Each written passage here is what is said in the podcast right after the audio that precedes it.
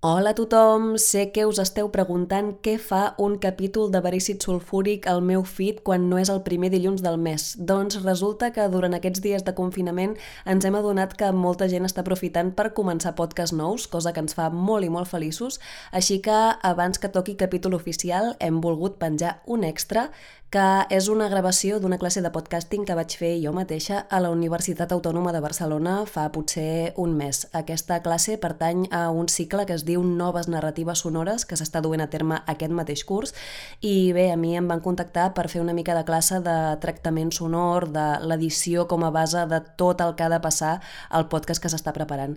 I això és el que sentireu. Naturalment, el pertany a un cicle, penseu que és només un fragment del cicle que van fer els alumnes de podcasting, és a dir, que hi ha una sèrie de bases molt bàsiques que no s'han tocat en aquesta classe. Jo sóc una pobra editora sonora d'un podcast independent, així que bé, esperem que us ajudi, que us sigui d'utilitat i ens veiem d'aquí una setmana pel capítol oficial. Moltes gràcies!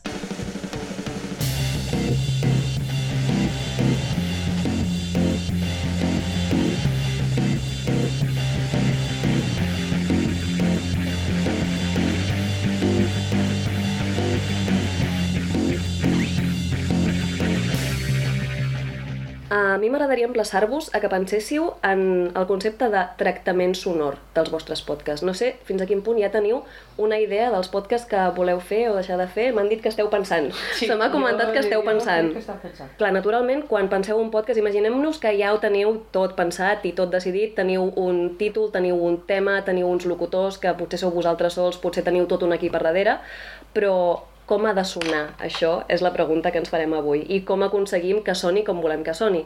Perquè més enllà del caràcter que li podeu donar vosaltres al vostre podcast com a locutors i com a persones que estan a darrere de tota la maquinària quina música es tria, quin ritme se li dona? Uh, quina intenció teniu vosaltres, potser esteu més seriosos potser esteu més simpàtics, potser parleu més ràpid potser més a poc a poc, tot això són el tipus de coses que hem de pensar des del principi i quan escrivim i quan muntem i quan estem triant músiques i recursos per editar el nostre producte hem de tenir molt presents. També us dic una altra cosa. Els podcasts, la grandesa que tenen és que poden tenir una qualitat molt amateur. És a dir, que no cal que feu una superproducció. Quan parlo de tractament sonor no vull dir que agafeu la música més bona de la història i que cada minut canvieu d'una peça a l'altra i que hi hagi efectes sonors de rajos làser cada 30 segons. No cal. De fet, estic pensant... Uh, hi ha un podcast que m'agrada molt, que estic escoltant últimament, que es diu Craigslist, que són un actor, una actriu, estan casats, ell es diu Craig, i té una llista de les seves 100 pel·lícules preferides. Aleshores, ells les van veient des de la 100 fins a la 1 i les comenten tots dos junts en forma de podcast.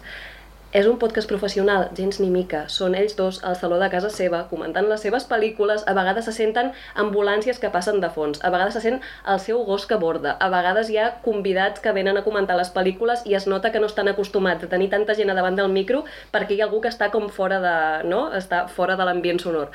Em molesta com a oient? No, perquè ells dos són encantadors i m'agrada el seu podcast.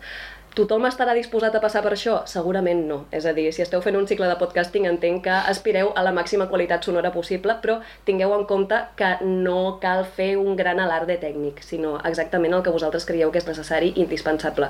Penseu, per exemple, que voleu fer un podcast de pel·lícules, com fan en Craig i la Carla Kakowski, que són els, els locutors de Craigslist.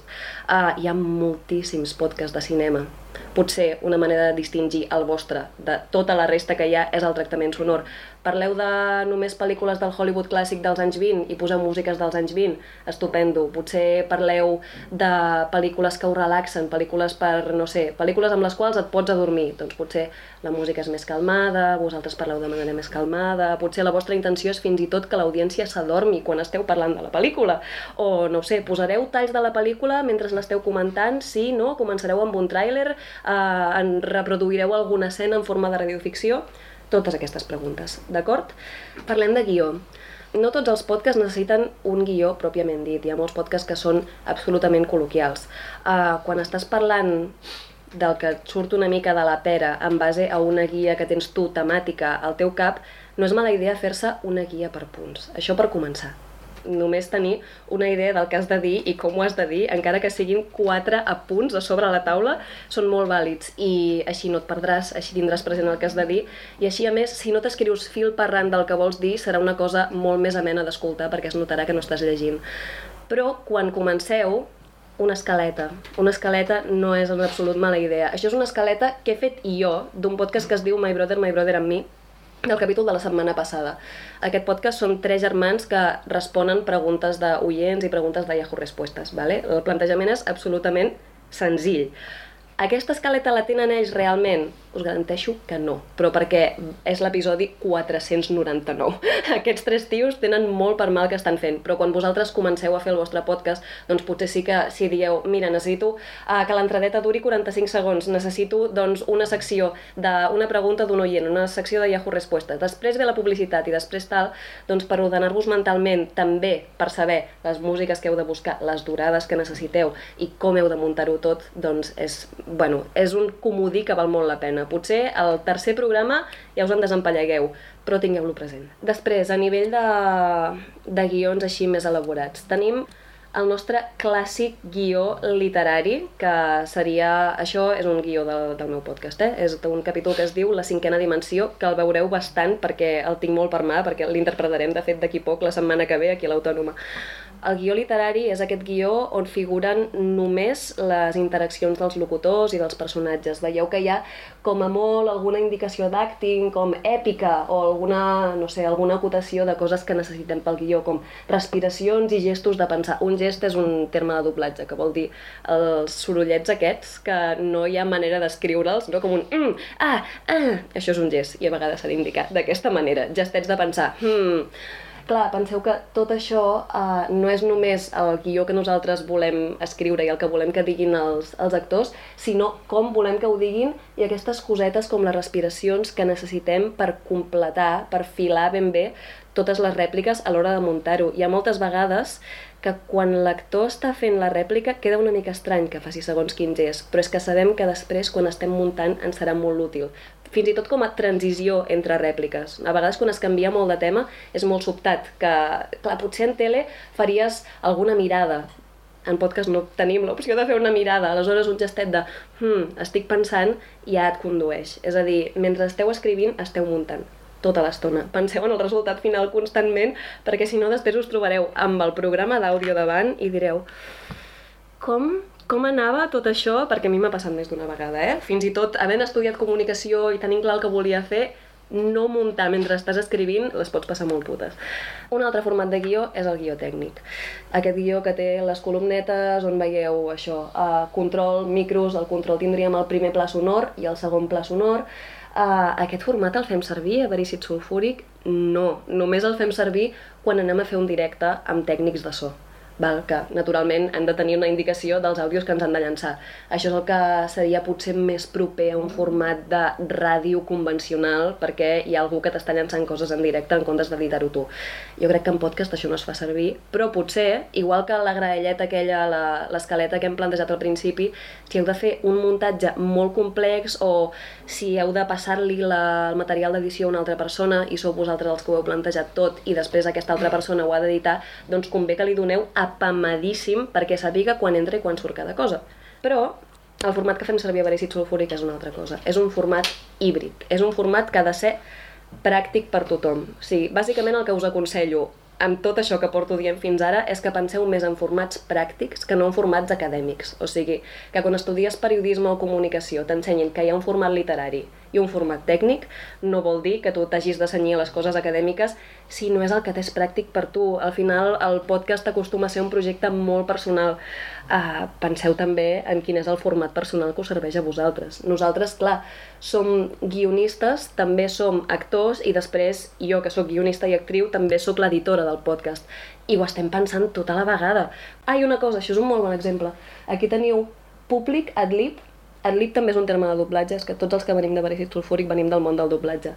Adlib vol dir improvisat, és a dir, en doblatge hi ha una cosa que es diuen convocatòries d'ambients, que és quan, per exemple, eh, quan veieu una escena d'un restaurant i la veieu en que la versió original és en anglès, però esteu veient la pel·lícula en castellà, clar, seria molt estrany que de cop de fons al restaurant se sentís uh, please, uh, yeah, uh, please, waiter, waiter. Aleshores, uh, es criden com a 10 persones que estiguin fent l'ambient de restaurant. Oh, sí, és molt bona aquesta, no sé què és, tal.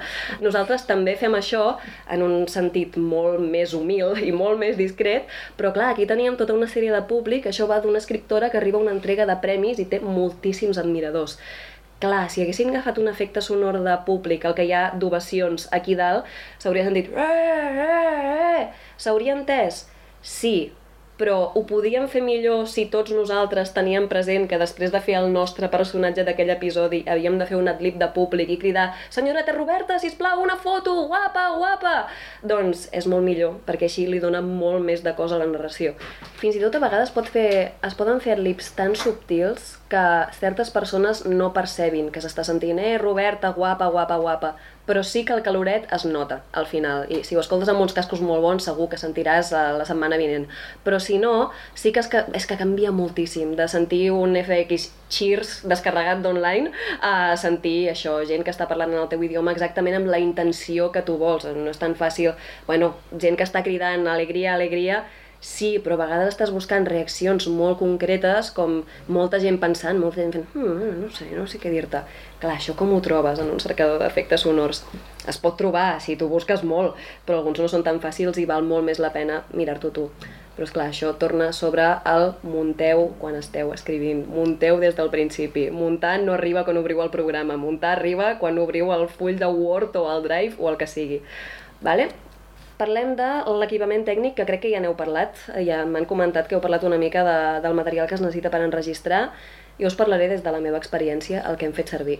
Vam començar amb un micròfon USB Mondo i Lirondo, la cosa més senzilla del món, aquest en concret es diu Yeti. És un model de la marca Blue que es diu Yeti i la caixa és un dibuixet d'un Yeti vestit de diferents maneres. És molt pràctic perquè pots direccionar el micro en el sentit que vulguis. Pot ser unidireccional, pot ser bidireccional, pot ser omnidireccional, té com unes quantes pestanyetes i això, clar, si heu de locutar vosaltres sols pot servir, si heu de locutar amb un company una a cada banda de la taula també serveix, fins i tot si heu de fer tota una taula rodona, a veure, no recollirà l'àudio en primer pla com ho recolliria un micro ben posat, però, però sí que és, bueno, és molt útil.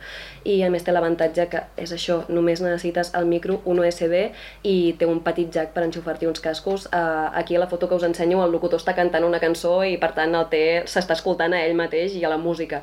Però si no, nosaltres el que fem sempre és que mentre un actor està locutant n'hi ha un altre que està al costat amb els cascos posats comprovant que tot se senti bé, que no hi hagi cops d'aire, que no petin segons quines consonants, que tots els etcèteres, tots els aspectes tècnics, fins i tot... Clar, nosaltres també penseu, és un estudi casolà, això és la meva habitació. Aquí on la veieu és la meva habitació. A vegades gravem a les 4 de la tarda i els veïns estan rentant els plats i sembla que no s'ha de sentir fins que o no sents la gravació i se senten els plats dels veïns, així que també la persona que està amb els cascos ha de dir cuidado, han tirat una cadena del vàter, però sobretot només necessiteu un micro. També hi ha una altra manera de gravar, que hi penso, que clar, jo, si no teniu els podcasts del tot decidits, no sé com gravareu encara, no sé si vosaltres ja teniu equipament tècnic o no, però hi ha molts podcasts que es graven per Skype que són uns quants locutors que potser... Clar, jo escolto molts podcasts americans i a vegades un locutor està a Califòrnia i l'altre està a Nova York, però són amics i tenen el seu podcast i fins i tot el podcast és la manera de mantenir-se en contacte. Aleshores, cadascun dels locutors té el seu micro a casa seva i grava la seva trucada de Skype per la seva banda des del seu micro i després, per editar, s'ajunta tot. Bé, això, el micro aquest eh, Mondo i Lirondo que deia és el primer que vam tenir. L'hem fet servir, portem sis temporades, l'hem fet servir quatre de les sis temporades. Ha durat molt i encara dura, de fet, encara funciona, el que passa que ara tenim una mica de pressupost i ens vam poder comprar un bon equipament. Amb què juguem ara? Juguem amb una cosa bastant més elaborada.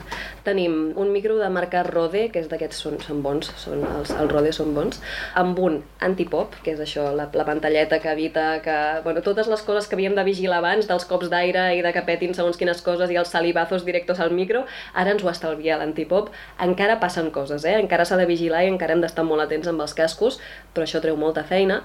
Aquesta cosa de fusta que veieu a davant és un aïllant, té una petita espuma, d'aquesta que veieu normalment als estudis professionals, que fa que les zones que projecta el locutor cap al micro es quedin just a la zona que agafa el micro.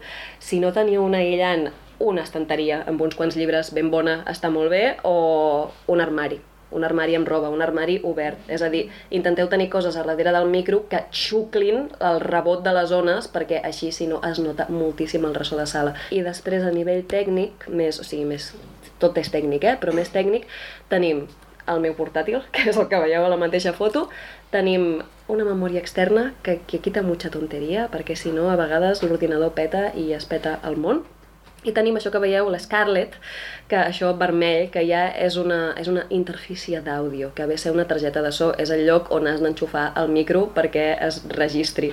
Abans, com que teníem l'USB, l'USB anava endollat directe al portàtil i el portàtil s'arreglava. Ara necessites una cosa que connecti el micro a la interfície, la interfície al portàtil i el portàtil ho recull.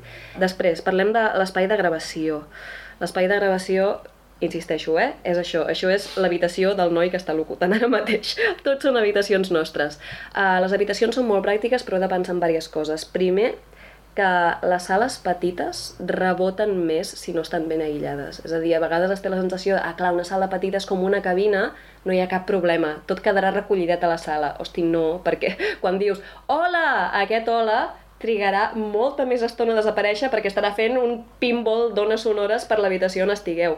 Aleshores, si no teniu un armari, si no teniu una lleixa, si no teniu alguna cosa que pugui absorbir el so, potser és més pràctic que tingueu una sala gran i que les zones se'n vagin al seu aire. Això heu de mirar les possibilitats que teniu i els espais dels quals disposeu. Després, què més? Uh, el truc de ladrador. Ara, trucs per evitar-se mm, soroll terrible.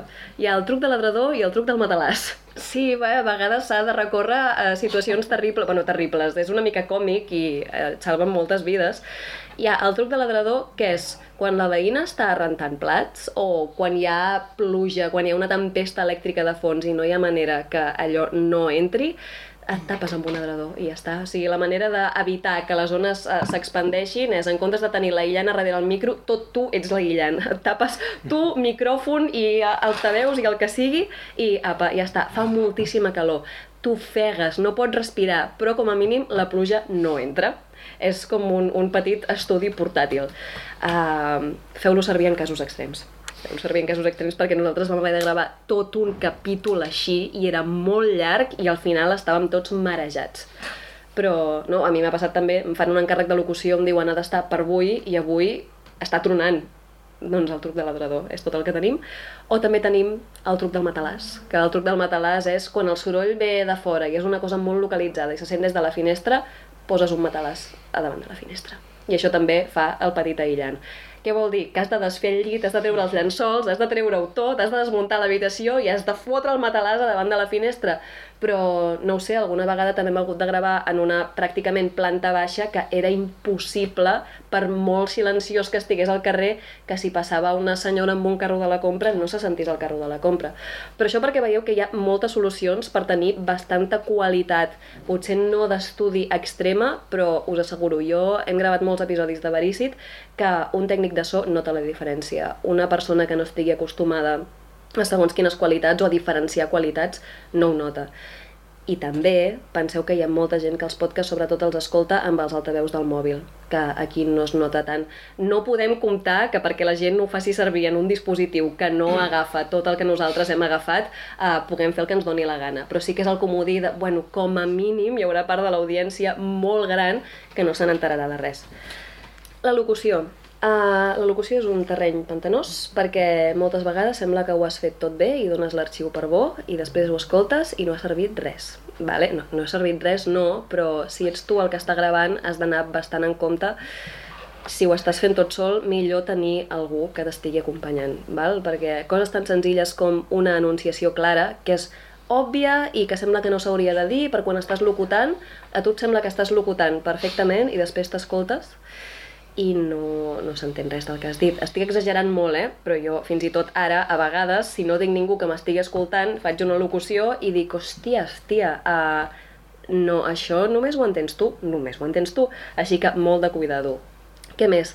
Ritme. El ritme és molt important, tant si ha de ser lent com si ha de ser ràpid, com si ha de ser moderat, per això també va molt bé escoltar-se. Jo us acabo de dir que parlo molt ràpid i moltes vegades també em sembla que vaig a una velocitat perfectament comprensible i de cop uh, és la hipervelocitat supermànica només audible per certs uh, éssers uh, sobrehumans. Uh, aleshores, cuidado. És, tot el que us estic dient és tingueu algú, si plau, encara que sigui les primeres vegades, si no esteu acostumats a locutar, per anar-vos trobant les manies. De fet, us afegiré una bolita extra, com a consell. Els germans McIlroy, que són els que fan el My Brother, My Brother amb mi, que us he ensenyat l'escaleta del principi, són uns podcasters de la hòstia, que tenen, són tres germans que tenen com tres o quatre podcasts cadascú. Van fer una conferència sobre podcasting i un dels primers consells que et donaven és si no estàs acostumat a fer podcast, quan facis el teu primer podcast, en graves un parell d'episodis o tres i els tires a la paperera i després tornes a començar. Perquè hi haurà moltes coses que, o sigui, però tant de muntatge com de gravació, com de locució, com de tot el que estem parlant ara, com de guió, d'organització, de tractament sonor, que al final és el que estem parlant, que no funcionaran i per molt bé que ho hagis fet respecte a les teves expectatives la primera vegada, segur que no serà tan bona com la quarta. I jo això en locució us donaria aquest consell especialment, perquè la locució una vegada l'has gravat ja no hi ha res més a fer i aquí sí que es nota, aquí sí que potser um, el tècnic de so que escoltava abans les zones que rebotaven o no és un cas molt petit, però la locució tothom sap si estàs parlant bé o no, no? Intenteu evitar la cantarella. No sé, insisteixo, el tipus de podcast que voleu fer però si aneu amb un guió que pot ser més aviat periodístic, o fins i tot que no és periodístic, però se us en pot anar a l'estar llegits o l'acabar parlant d'aquesta manera, que no entenc per què els periodistes sempre acaben parlant així, fent aquest mateix to. Um, aleshores, una bona solució per evitar les cantarelles és el que hem dit al principi, fer-se una guia per punts del que heu de dir i anar uh, sense paracaigudes, sense xarxa i tirar-vos de la moto. Haureu de repetir coses? Naturalment que sí, especialment si esteu començant, però segur que al final vosaltres agafareu molt més rodatge i per l'oient serà molt més còmode. Encara que us entrebanqueu, encara que... És un podcast, penseu, no esteu fent ràdio, esteu fent podcasting. Tothom li perdona a un podcaster si ha de tornar a començar una frase o si hi ha un petit embarbussament o alguna cosa no us doneu permís per fer-ho constantment, però sí que jo, eh, abans que posar-me a sonar molt llegit i que es noti que esteu davant d'un paper, perquè més això també treu com l'energia vital te la xucla, el fet d'estar llegint, i l'oient ho nota moltíssim. Penseu en això, molt de compte amb la saliva, també jo he hagut de deixar d'escoltar podcast perquè el locutor tenia massa saliva a la boca. Mm. És molt és fastigós. És des... Però, oh, Déu meu, uh, me'n recordo d'un cas en concret, hi ha una de les meves sèries preferides que es diu Utena, que és un anime dels 90, vale? no hi ha cap podcast sobre Utena al món. Em vaig trobar un, era la persona més feliç del món i vaig dir, per malament que ho facin, m'ho escoltaré tot. Durava com dues hores i mitja i els primers cinc minuts vaig haver de parar perquè tota l'estona, tota l'estona. Com se soluciona això? Menjant-se una poma. És tan fàcil com això. La poma és àcida i l'acidesa et xucla la saliva. Uh, L'últim consell per la locució, dos últims consells per la locució. Penseu en la projecció que heu de fer servir també en relació al to i al tractament sonor que voleu pel vostre podcast. És a dir, no és el mateix estar parlant d'aquesta manera, que potser sones més despert, potser crides més l'atenció de l'espectador i tal, però potser també els hi fots un mal de cap de la hòstia perquè quan portes 4 minuts parlant així ja no saps on posar-te, per què m'estàs cridant, que parlar en un to molt més relaxat, no? Heu de buscar quina seria la vostra projecció adequada per la idea del podcast que teniu. I també això relaciona amb l'altre consell, que és la posició pulmonar. La posició pulmonar no de... A veure, tampoc us heu de convertir en experts de la veu i pensar on teniu la laringe i quin múscul esteu movent en quin moment, però sí que moltes vegades haureu de repetir coses. Inevitablement hi haurà alguna frase que haureu de tornar a començar. Si no la torneu a començar en el mateix punt de posició pulmonar que teníeu abans, quan ho estigueu editant es notarà, però cantarà que donarà gust que heu ajuntat la frase. I això es pot editar molt bé, però si des del locutor ja la cosa és difícil d'editar, no ho salvareu de cap manera. A vegades és pràctic, si us heu equivocat eh, al principi d'una frase, reprendre des del final de la frase anterior perquè així ho pots enganxar mm, d'una manera molt més pràctica i t'estalvies disgustos us dic, jo a dia d'avui encara tinc problemes d'això, tant meus que he locutat jo com de companys meus. És a dir, és inevitable que si repeteixes una cosa moltes vegades i si has de repetir una frase per setena vegada ja no te'n recordis d'on tenies els pulmons quan l'has feta per primera vegada. Inevitable. Quan esteu gravant consells a l'hora d'estar gravant. Reviseu els nivells, per l'amor de Déu, uh, reviseu els nivells constantment. Uh, els nivells, suposo que sabeu de què parlo, és el volum de l'ona, no? la, la gruixudesa o la, la finesa de l'ona que, que esteu generant a mesura que parleu o a mesura que s'està gravant o que estigueu gravant. Um, idealment hauria de ser una ona estàndard, ni massa fina ni massa exagerada. Jo diria que abans de pujar-vos moltíssim al nivell ho baixéssiu, perquè si ho teniu baix, una miqueta baix, sempre ho podeu pujar si ho teniu alt, s'aturarà, se sentirà catacrec, catacroc, catacruc, i això no es pot arreglar de cap de les maneres. Vale? I, I a vegades us penseu que esteu parlant al mateix nivell durant una hora i després, oh, sorpresa, obreu l'arxiu d'àudio i està saturant tot, tota l'estona. Així que mireu, mireu, aneu, la rodeta és indispensable, tota l'estona. Què més? Manteniu la distància i la posició respecte al micro, perquè Clar, el podcasting, o sigui, tota l'estona estem relacionant això amb que és una cosa casolana, que segurament l'ambient quan esteu gravant és distès, estigueu gravant sols o estigueu gravant amb algú, no serà un cas, o potser sí, eh, però no acostumen a ser casos de concentració absoluta de estem en un estudi, tenim una hora d'estudi reservat i ha de sortir tot perfecte, sinó que segurament sereu al saló de casa vostra i fareu una pausa per fotre un carajillo. Aleshores, sabeu on sou respecte al micro quan torneu de la pausa per fotre el carajillo, no? Si estic a un pam del micro i estava encarat cap a davant, me n'he d'en recordar, perquè si no és el mateix que la posició pulmonar, és el mateix que la projecció, eh, és un aspecte més tècnic que a vegades ens passa molt per alt, però s'ha de tenir molt en compte. Eh, però potser us esteu preguntant com és gravar un podcast? Vull dir, no sé si heu estat mai en una sessió de gravació de podcast, literalment de podcast, perquè és difícil trobar-s'ho a la vida, no sé que tinguis un amic que té un podcast i et convida, no? Això us poso en context, això és un dels nostres actors de Verícit Sulfúric, en Pau, bueno, actor, guionista i tot, el que se requiera d'ell, que està fent d'un assassí que s'està queixant a la seva germana, que és la seva mestra, de que ell vol assassinar a la seva manera i que ella l'està ensenyant a fer unes coses molt metòdiques i tal. Ara veureu què passa. Només dic que si vull matar algú no necessito saber que es cagarà a sobre. Només dic que si vull matar algú no necessito saber que es cagarà a sobre. No, t'intento fer entendre que... No, t'intento fer entendre que... Doncs mira, sí, sí, estic qüestionant els teus mètodes. M'importa una merda la textura de la pell, el rigor mortis i la paleta de colors del cadàver.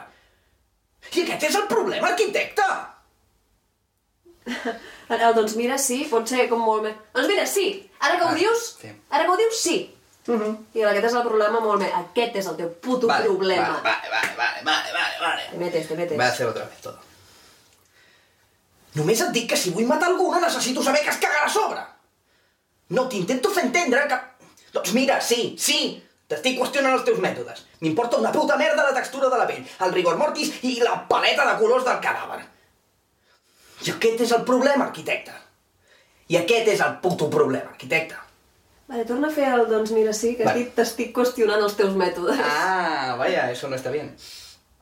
Doncs mira, sí, sí, estic qüestionant els teus mètodes. M'importa una merda la textura de la pell, el rigor mortis i la paleta de colors del cadàver. Vale, esto és, com veieu, repetim el mateix moltíssimes vegades. No tant perquè no estiguem convençuts de com ha sortit la primera vegada, sinó perquè el fet de gravar per separat implica que hem de provar també diferents energies i diferents maneres de dir una mateixa rèplica perquè encaixin amb els nostres companys.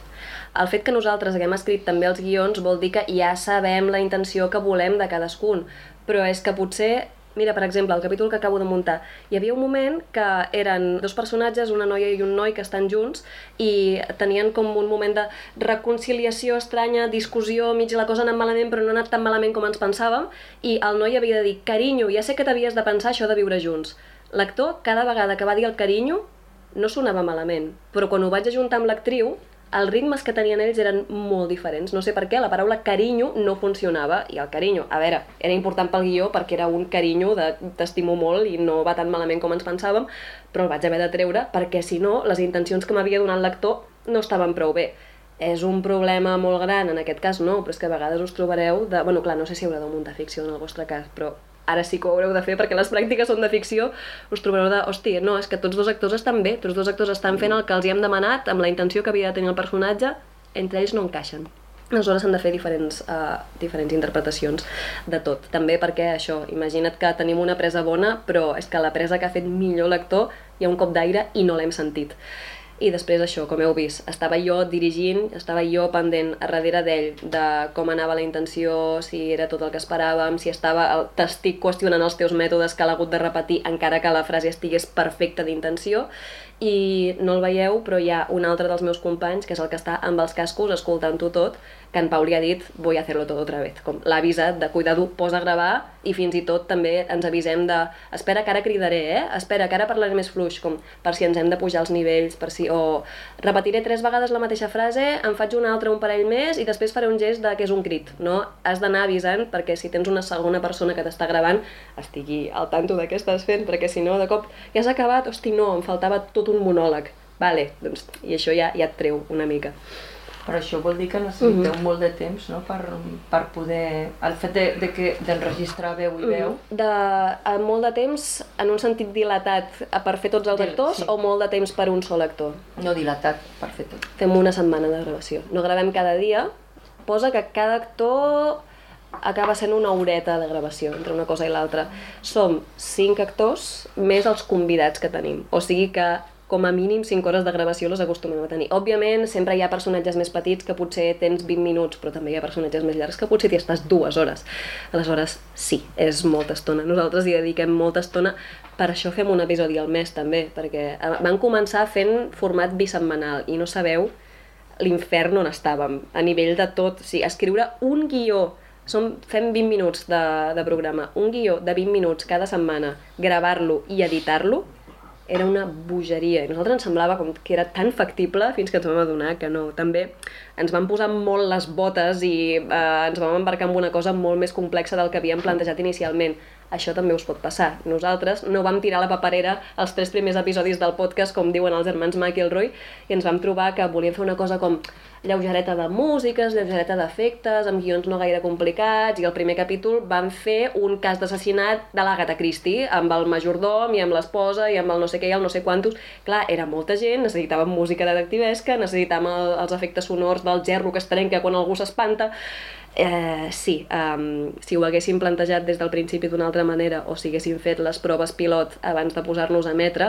segurament hauríem fet o directament format mensual o hauríem dit, vale, rebaja, relaja la raja, perquè si no, no arribarem vius. La primera temporada, els primers 20 capítols, si els escolteu, que jo us diria que no els escoltéssiu, uh, es, nota, es nota molt que ni els actors estan, perquè no havíem tingut tant temps per gravar-los, estan tan bé, ni els guions també perquè teníem menys experiència, però sobretot perquè teníem menys temps estan coixos de per tot arreu i el muntatge que jo dedicava una sola nit de la meva vida de 9 de la nit a 9 del matí a muntar, això eren les maratons que em feia abans. I això també us pot passar a vosaltres, eh? Perquè quan s'ha d'emetre, s'ha de, bueno, s'ha d'emetre, s'ha de penjar, s'ha de penjar. La regularitat en els podcasts Uh, hi ha gent que se la pren d'una manera bastant més laxa que altra. Nosaltres ens ho prenem molt seriosament. Uh, pengem capítol el primer dilluns de cada mes i el primer dilluns de cada mes hi ha d'haver capítol.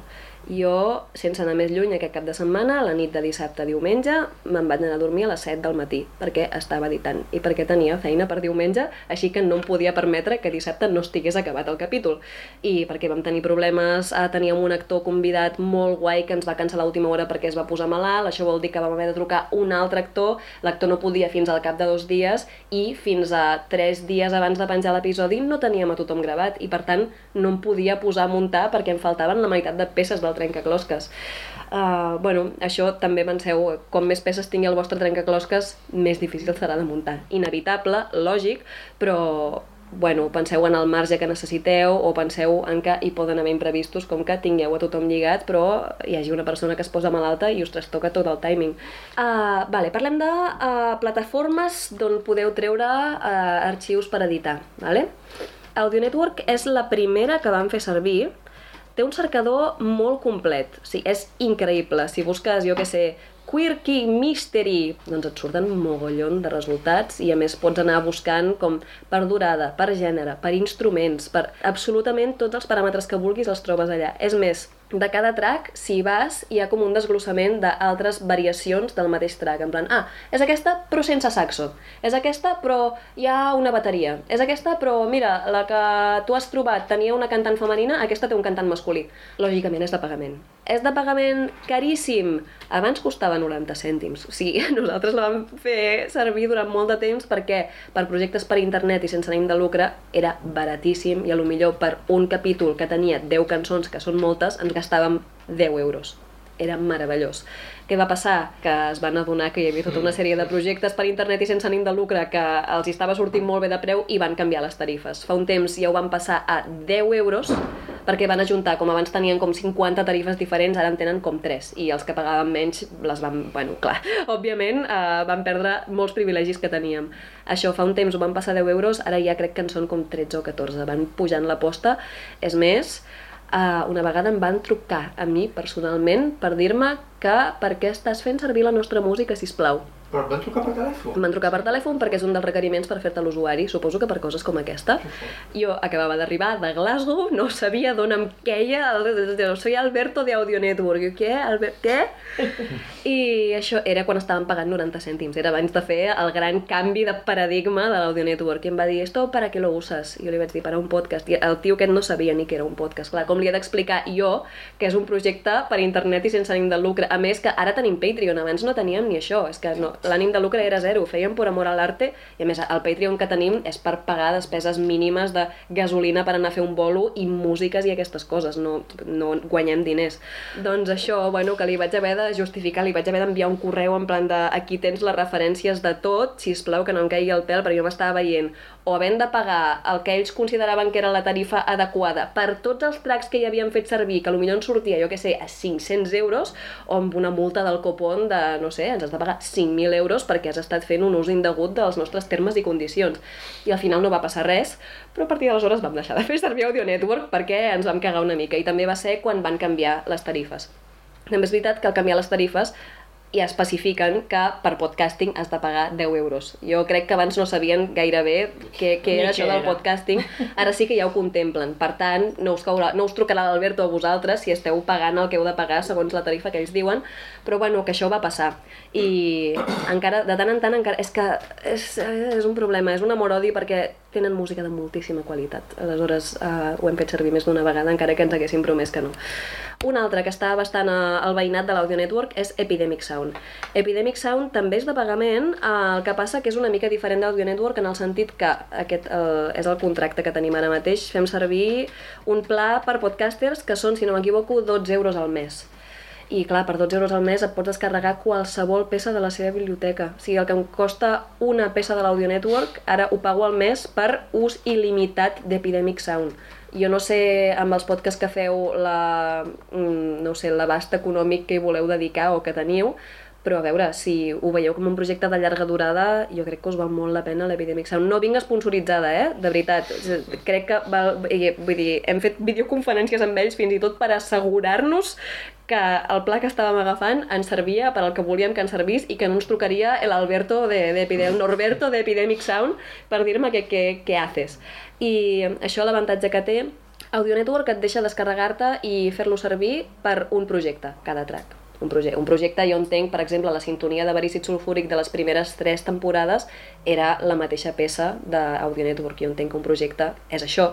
Però a l'Epidemic Sound, si ho has emès en la plataforma on tu els has donat el teu link, en plan jo emeto per aquí, després ho pots traslladar on vulguis. És a dir, si hi hagués un capítol de verícid sulfúric que ara mateix s'emetés per Catalunya Ràdio o es representés en directe al Teatre Municipal de Girona, no passaria res. Tindríem els drets d'utilització de la música, perquè, com sabeu, clar, per internet és una cosa, però potser si vull pagar els drets d'utilització per televisió, on em costava 10 euros, ara me'n costen 1.800. Però l'Epidemic Sound diu que no. L'Epidemic Sound diu, això, no sé si són noruecs o suecs o així, va- van parlar com amb un dels emissaris d'Espanya d'Epidemic Sound i va dir, és que los suecos piensan en todo.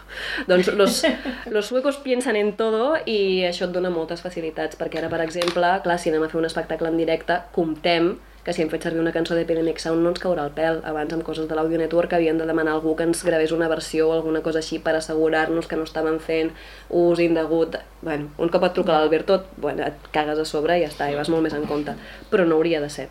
Després un altre, Audio Jungle. Audio Jungle, jo francament, ai per cert, perdó, Epidemic Sound també té efectes de so, que estan molt i molt bé, i té una biblioteca molt extensa d'efectes de so, que jo ara, abans feia servir una web que ja en parlarem, que era com el recurs d'efectes de so de la meva vida, i no l'he tornat a fer servir des d'Epidemic Sound. Això, l'Audio Jungle. Audio Jungle té uh, música i efectes de so també, és de pagament, i el que us deia, jo només he fet servir un track d'Audio Jungle perquè necessitava una cosa molt concreta que no trobava a l'Audio Network i aquí encara no treballava amb, amb Epidemic Sound i així que no m'hi vaig ficar. Però el problema o avantatge que té Audio Jungle és que pagues un preu diferent segons el creador del track ho estableixi. Un track et pot costar 20 euros, un altre te'n pot costar 5, potser et descarregues un pack que en costa 30 però tens 50 tracks allà. És una petita caixa de sorpreses. Hi ha qualitat? Jo ho discutiria, hi ha coses que serveixen, hi ha coses que jo a vegades penso que no pagaria mai, per, vull dir, si m'ho oferissin com Creative Commons diria clar, clar que sigui benvingut, però pagar 20 euros per segons quin track, no. Un altre, aquí ja passem als gratis, absolutament gratis. El Free Music Archive, no sé si el coneixeu, hi ha molta gent que el fa servir, a mi em sembla que és molt poc intuïtiu per fer la recerca. Ara crec que els ha comprat una altra companyia o estan fent reformes o alguna cosa així i estan fent millores al cercador. Fa no gaire van fer fins i tot un qüestionari pels usuaris de com podem millorar el nostre servei i jo els hi vaig contestar, com, li vaig fotre una bronca de com se us acudeix a tenir un cercador tan poc intuïtiu i de no posar ni tan sols quan reprodueixes un track no et surt la barra de reproducció sota, no pots saltar com 20 segons per veure com avança la cosa, t'has d'estar allà escoltant. I també no hi ha tanta varietat musical, hi ha molts temes, això sí, el catàleg és bastant extens, que trobeu una cosa que us interessa dins del catàleg extens és difícil i a més hi ha coses bastant modernes per les meves pròpies necessitats. Hi ha coses molt experimentals, uh, noise, uh, hi ha coses així de punk, garage, uh, que està guai, però jo a vegades necessito un jazz discretito, i un jazz discretito que és bastant difícil de trobar. Um, això, una cosa molt interessant que té és que té com unes pestanyetes per l'ús que voleu fer de la música. Aleshores, si poseu com totalment lliure de drets, us sortirà només totalment lliure de drets. Si específicament ho voleu fer servir per un vídeo, cliqueu la pestanyeta de vídeo. Això el filtratge sí que està bé, perquè així t'estalvia sorpreses. La biblioteca de YouTube, que suposo que aquesta sí que la teniu controlada, és meravellosa, però també és limitada. Uh, és meravellosa en el sentit que, com veieu, pots buscar, aquí sí que hi ha bastantes pestanyetes que t'ajuden, com la durada, l'estil, els instruments, tots els etcèteres. Van afegint música nova bastant sovint i et surt la pestanyeta aquesta de, de New, Sí que és veritat que encara que afegeixin música nova hi ha els mateixos 4 o 5 artistes que t'apareixen constantment i arriba un punt que ja saps que Quincas Moreira serà el que posa la bossa nova. I això us ho dic literalment. Quincas Moreira em surt cada dos per tres i sé que sempre serà una bossa. Però, bueno, també hi ha l'avantatge d'això, al final ja et coneixes els artistes i dius, vale, tu ja sé que no em serveixes, no em posaré a reproduir. I tu pots descarregar, són d'accés totalment lliure per un vídeo o per qualsevol projecte creatiu. O sigui, això ho podríeu fer una... Si compren el vostre podcast per una ràdio i voleu passar tots els episodis directament, la ràdio no ha de pagar cap dret d'utilització d'una cosa que ja hagueu fet servir.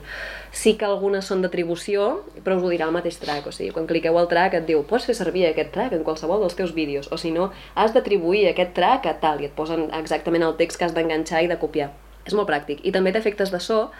Els efectes de so sí que us diré que hi ha qualitat garantida però no quantitat. O sigui, a vegades on l'Epidemic Sound busca efectes sonors de vent, tens 5 o 6 o 7 ambients de vent d'un minut que et van perfectes. A YouTube potser en trobes un si tens sort. Uh, faré un saltet per parlar-vos de Free Sound, que era el que era la meva plataforma d'efectes sonors de la meva vida. Aquí sí que hi ha moltíssima quantitat. Això és com un fòrum d'efectes sonors. És a dir, la gent de manera altruista penja els efectes que ells graven i tu te'ls pots descarregar. Uh, hi ha diferents llicències d'utilització, aquí també s'ha d'anar en compte, s'ha de mirar ben bé si és Creative Commons, si és d'atribució, si és de domini públic, el que sigui. Entre vosaltres i jo, no crec que ningú que hagi penjat una llicència d'atribució d'un gos bordant senti el vostre podcast i digui has fet servir el meu gos i no m'has posat els crèdits però si ho pengen d'aquesta manera, home, és el mínim que s'ha de fer sent legals és atribuir el Dog Bark Sound a, al, no sé, Mr. Sound 69. Però està, està molt guai. El que sí que no hi ha garantit és la qualitat, perquè és clar, al ser un fòrum d'efectes sonors, cadascú amb el micro que té penja el que li dóna la gana i Ostres, hi ha cosa... Aquí ho veieu. Vull dir, si veiem els, les ones petites que surten aquí, el tercer ja us garanteixo bastant que està saturat. Ja ho veieu des d'aquí. O que està saturat o que li han passat un nivellador d'aquests que passa la guadanya per sobre de, del que li sobra i veieu que està com tot doncs pot ser, a veure, són aplaudiments, si els hi baixés el game perquè sonessin de fons no passaria res i segurament no es notaria el crepitar, però bueno, també l'avantatge que té és que com que es veu la miniatura de l'ona ja pots imaginar com sona cada cosa.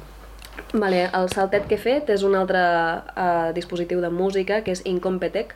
Incompetech és la casa de Sant Kevin MacLeod, quedeu-vos amb aquest nom, no sé si el coneixeu tampoc, és un senyor que fa tot música de lliure de drets només amb atribució a ell mateix. Té tots els gèneres del món, té moltíssim material, uh, he sentit una entrevista amb ell, és super bon tio, que més és d'agrair, i genera moltíssim, genera moltíssim material que és molt pràctic. A la biblioteca de YouTube el trobareu bastant, però no hi és tot. A vegades a la seva web hi ha alguna variació d'un tema que us anava bé, que no sabíeu que existia, val la pena mirar-se-la en cas d'emergència.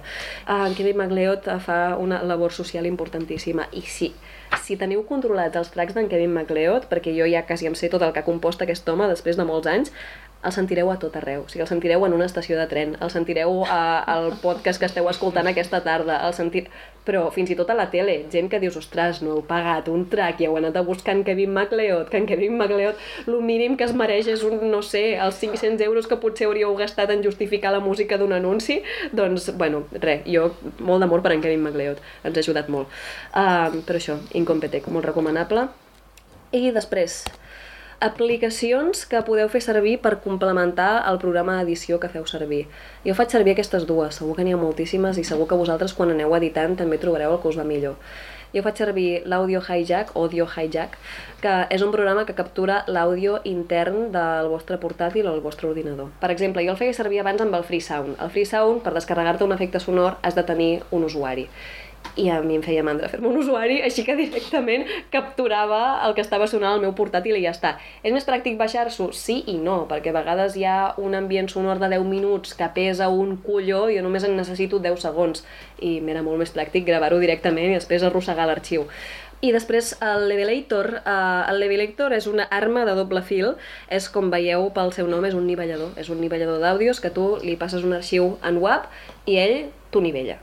Com t'ho nivella? Una mica com pot. És bastant patxanguero. És d'allò que ell no tindrà en compte si una transició ha de ser subtil i si t'anava molt bé que es fongués un track subtilment mentre entrava l'altre subtilment. Ell t'ho posarà tot al mateix nivell, si fa no fa, i de cop se'n dirà i diràs què està passant. Però sí que va molt bé, per exemple, jo que edito 20 minuts d'àudio amb molts tracks diferents, amb escenes que potser hi ha una música que se sent molt forta i l'estic nivellant mm. només pensant en els actors i la música i després només tinc un ambiente de pajarillos que quasi no he de pujar el volum de res, doncs clar, una vegada ho tinc tot acabat, ho passo per al Levelator i la cosa millora bastant, però sí que és veritat que m'ho he de tornar a escoltar i he de revisar el que ja he fet al Levelator per dir, hosti, i encara hi ha coses que, ei, si vaig molt ràpid, us diré la veritat, escoltareu coses de verícid sulfúric que direu què ha sigut aquesta transició al Levelator. No jo, jo hauria d'haver-ho revisat, però a vegades quan acabo d'editar a les 7 del matí, doncs és el que passa, no? Però, bueno, que us ajudarà molt. Sobretot, si esteu fent coses amb veu i prou, o veu i poca cosa més, podeu editar primer la veu, passar-la directament per al Levelator, que aquí sí que no hi ha gaire marge d'error, i després afegir el que hi heu d'afegir, que ja vagi en consonància amb la veu. Parlem d'organitzar arxius quan s'està gravant? Sí, interessant. Sí, això no sé si cal, però jo, que també he pres a, a les males a com organitzar, jo al principi ho fotia tot en una carpeta i que sé el que Dios quiera fins que em vaig adonar que era molt més fàcil si m'ordenava tot millor. Val? Per exemple, coses tan estúpides, no? i mira que sóc una persona ordenada, eh? però no sé per què, crec que el podcast i el casolà del podcast em portava per, per el camí de la maldat.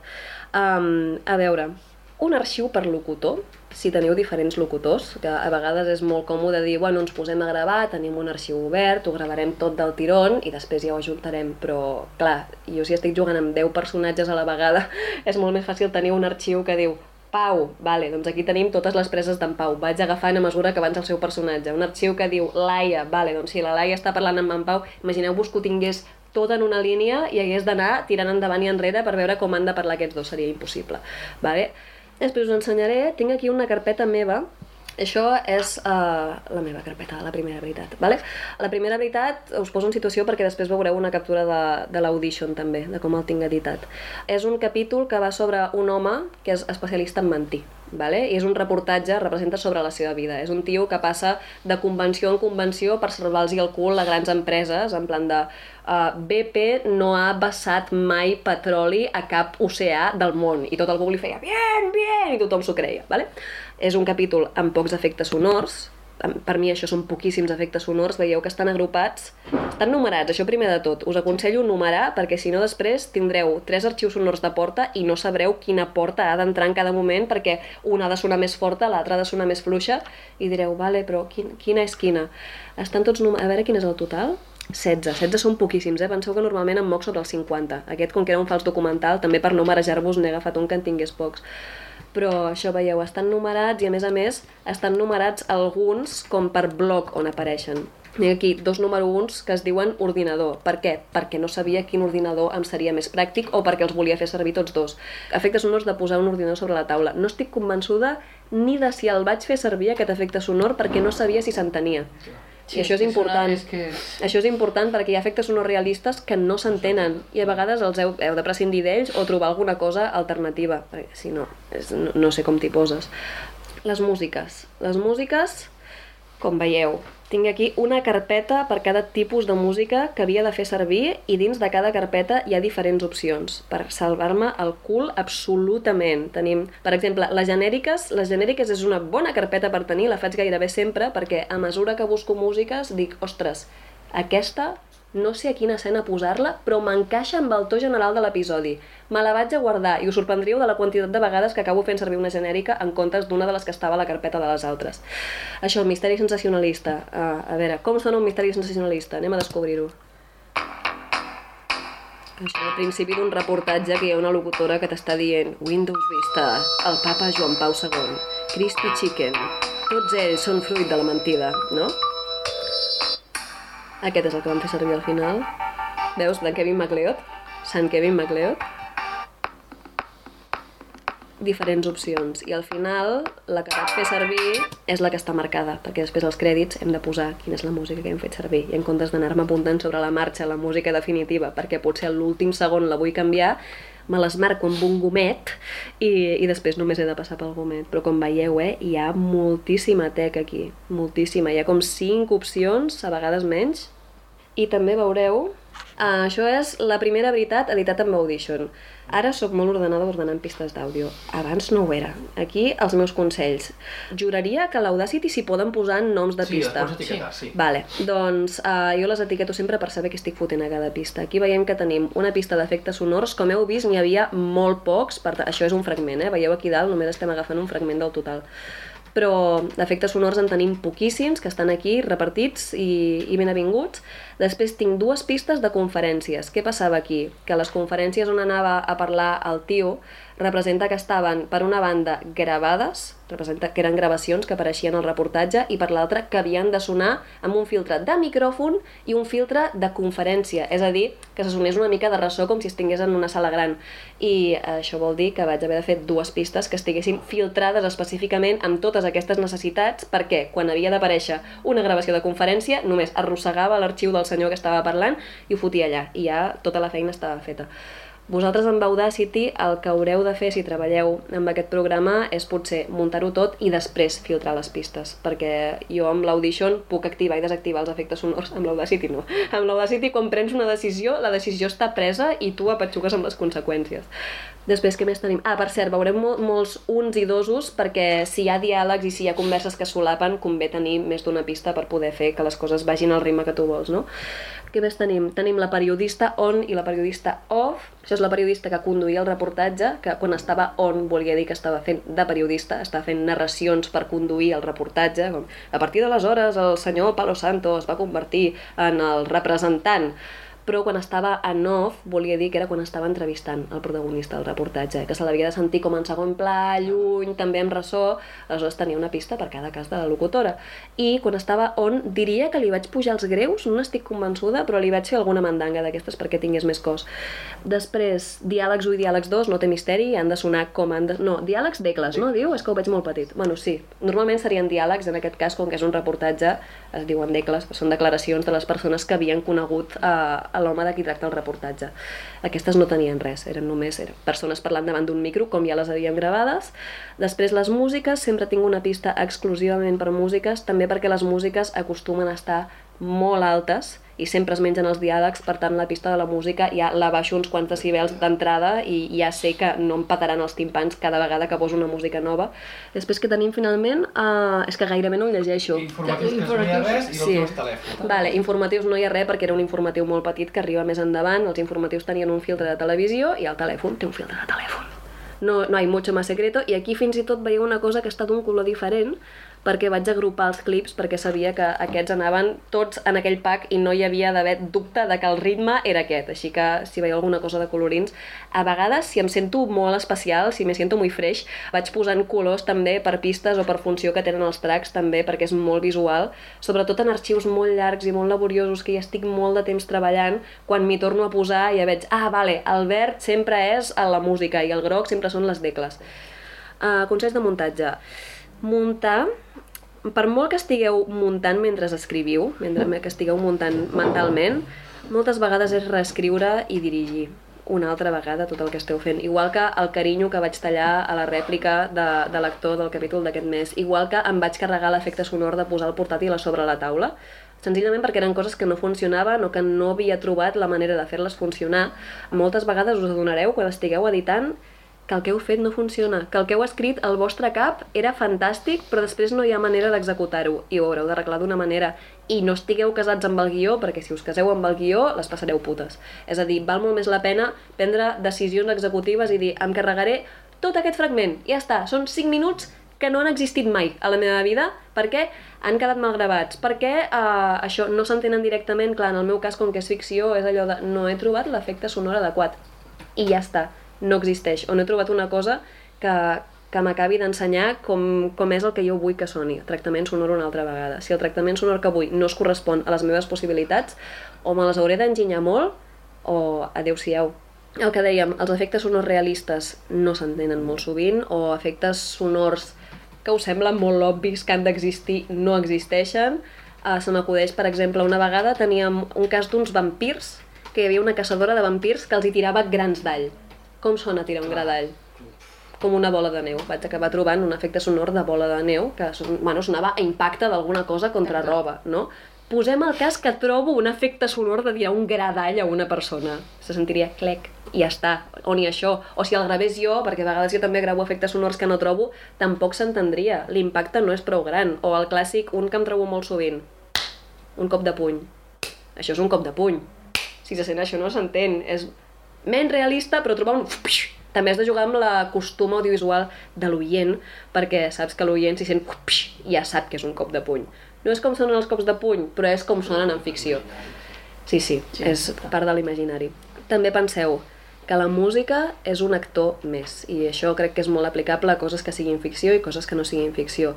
Heu de jugar-la bé, heu de donar-li el temps que requereix i heu de fer-li, uh, heu de mimar-la molt. No és només un acompanyament, ho pot ser, però notareu molt la diferència d'una cosa editada amb la música en ment que una cosa que s'hi ha posat la música després o que s'ha deixat de fons i tal.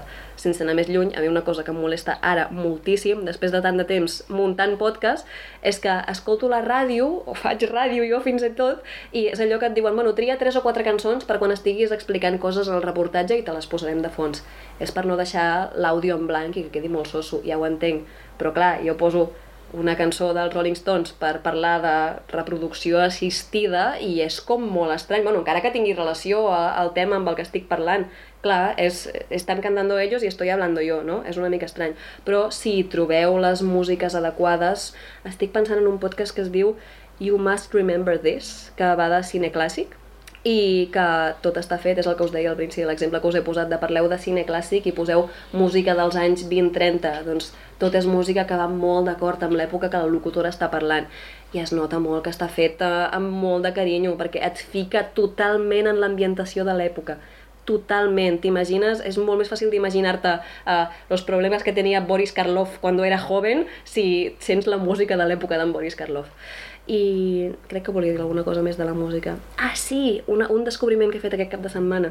Epidemic Sound, torno a l'amor de la meva vida, Epidemic Sound, l'Audio Network et deixa baixar, com us he dit, variacions del mateix track. Són coses ja mesclades. Epidemic Sound et deixa baixar tracks separats d'instruments. Et pots baixar la mescla, comple mescla completa o et deixa baixar només el baix, o només la bateria, o només la melodia principal.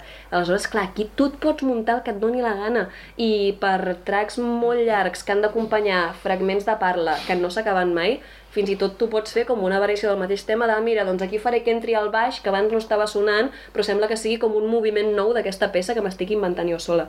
Va molt i molt bé. I a vegades, clar, et passa que dius, la música és preciosa, però se m'està menjant les paraules, encara que sigui una cosa molt discreta. És que a vegades una bateria que soni més forta del compte se t'està jalant, no? Doncs et baixes el trac de la bateria tot sol, baixes la bateria i ja està, o elimines la bateria directament. Això està molt bé. També vol dir que t'hi passes més estona però, clar, igual que em vaig dir a mi mateixa és no hi ha manera que no quedi perfecta si no m'hi esforço una mica. Si tinc la possibilitat que quedi perfecta, per què no l'hauria d'aprofitar, no? Vindria a ser això. Després, ritme una altra vegada, us insistiré molt amb el ritme, tant com quan locuteu com quan munteu. Pot ser un ritme lent un ritme ràpid. Ritme no vol dir velocitat, sobretot, però vol dir que sigui una cosa que tingui el grau de dinamisme que vosaltres busqueu. Un muntatge amb poc ritme pot matar el millor guió. Sigui massa ràpid, sigui massa lent, sigui una rèplica que triga dos segons a entrar, us esteu carregant la, la suspension of disbelief, que es diu en anglès, que no sé com es diu en català. Um, I després, sí, finalment hi ha tutorials per tot tingueu, o sigui, qualsevol cosa que us digui jo, qualsevol cosa que us diguin cap dels professors que tingueu en aquest cicle, hi ha tutorials per tot, si plau no oblideu mai que sant YouTube i sants recursos internet trobareu solucions a tots els dubtes, a més amb una comunitat tan bueno, que fa, fa tanta comunitat com és el món del podcasting. Hi ha molta gent que té molts dubtes precisament perquè bueno, hi ha poca escola, hi ha poca tradició, encara és una és un format molt jove, molt incipient, que no hi ha maneres oficials de fer res. També és la gràcia, perquè és com punky per naturalesa, però hi haurà coses que diràs, no sé com començar a fer això, no en tinc ni la més mínima idea. Doncs això t'ho solucionarà. Jo ara us explicaré el que pugui, però penseu que si heu de treballar amb l'Audacity, l'Audacity també, com que és lliure, hi ha mil maneres de fer-lo servir. Gràcies per escoltar Verícid Sulfúric. Pots trobar totes les novetats a Instagram, Facebook i Twitter sota el nom Verícid Sulfúric. A més, recorda que pots donar-nos suport a patreon.com barra Verícid Sulfúric.